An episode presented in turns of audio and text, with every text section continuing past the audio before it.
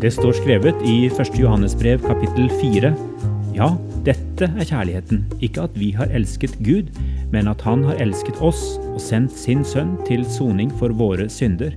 Mine kjære, har Gud elsket oss slik, da skylder også vi å elske hverandre. Ingen har noen gang sett Gud, men dersom vi elsker hverandre, blir Gud i oss, og Hans kjærlighet er fullendt i oss. Samler du på noe? Noen samler på frimerker, noen samler på mynter, noen samler på sure sokker og dårlige minner. Det siste har jeg ofte vært god på.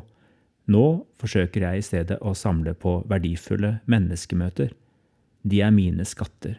Jeg samler på inntrykk, fotspor, verdier som mennesker har lagt igjen hos meg i løpet av kortere eller lengre tid vi fikk være sammen. I dag skal dere få møte Kårstein. Jeg er velsignet med fem eldre søsken, men mine to storebrødre flyttet hjemmefra da jeg var forholdsvis liten.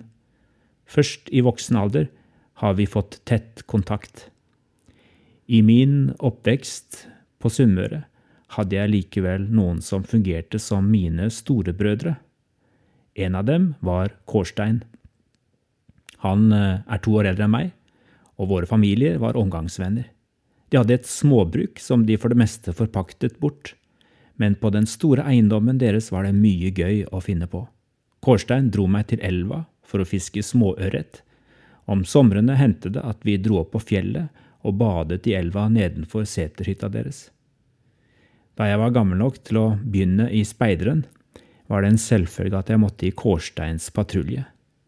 Og vi dro på troppsleirer, kretsleirer og landsleirer i lag.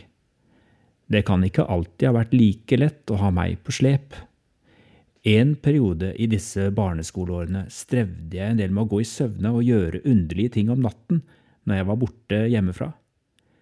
Lavpunktet for Kårstein var nok den gangen på kretsleir, da vi lå sammen i telt og jeg ikke fant veien ut da jeg måtte tisse. Nå går du og henter en klut, beordret Kårstein.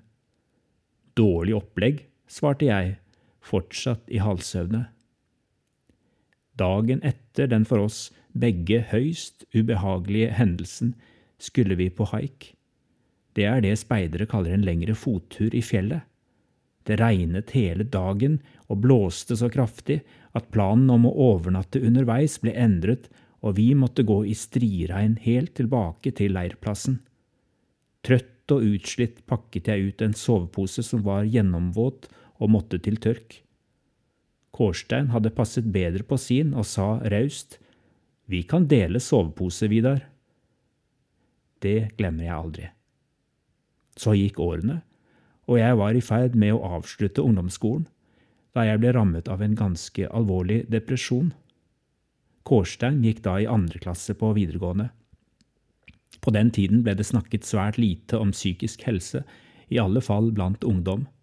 Folk visste lite, og det man vet lite om, er det ofte vanskelig å nærme seg. Jeg gikk fra å være en aktiv og utadvendt gutt til å lukke meg inne og snakke minst mulig med jevnaldrende i et halvt års tid. Bare noen voksne jeg hadde tillit til, fikk høre mye. Men en lørdag var Kårstein på tråden. I dag drar vi på skitur, Vidar, sa han. Nei, det hadde jeg ikke særlig lyst til, sa jeg. Jo, sa han, i dag drar vi på skitur. Pappa kjører oss opp på fjellet. Så ble det sånn. Det ble nok en rar dag for oss begge. Vi gikk tause innover skiløypa, opp på en av toppene, spiste nistematen og gikk ned igjen, nesten uten å veksle et eneste ord.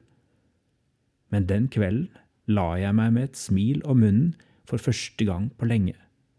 Jeg hadde tatt meg ut Kårstein hadde orket å holde ut med meg, og jeg sovnet med en gang. Det var også lenge siden sist. Det Kårstein gjorde den dagen, har jeg ofte kommet tilbake til når jeg har tenkt på hvordan vi skal møte mennesker som er nedfor eller kanskje deprimert. Det handler ikke om å være flink og si de rette tingene. Det handler bare om å orke å være, og å romme den andre. Og noen ganger må man være litt sta, slik Kårstein var, og ikke bare ta et nei for et nei, for den skituren var noe jeg trengte akkurat da, selv om jeg slettes ikke hadde lyst. Og så må man tåle å ikke få så mye positive tilbakemeldinger på det man gjør der og da, for den som er nedfor, klarer ikke alltid å gi uttrykk for glede og takknemlighet. Men den gode handlingen brente seg fast i sjelen min, og jeg har fått mulighet til å takke Kårstein senere. En farfar i livet skulle alle ha, synger Odd Nordstoga. En kårstein i livet skulle alle ha, synger jeg.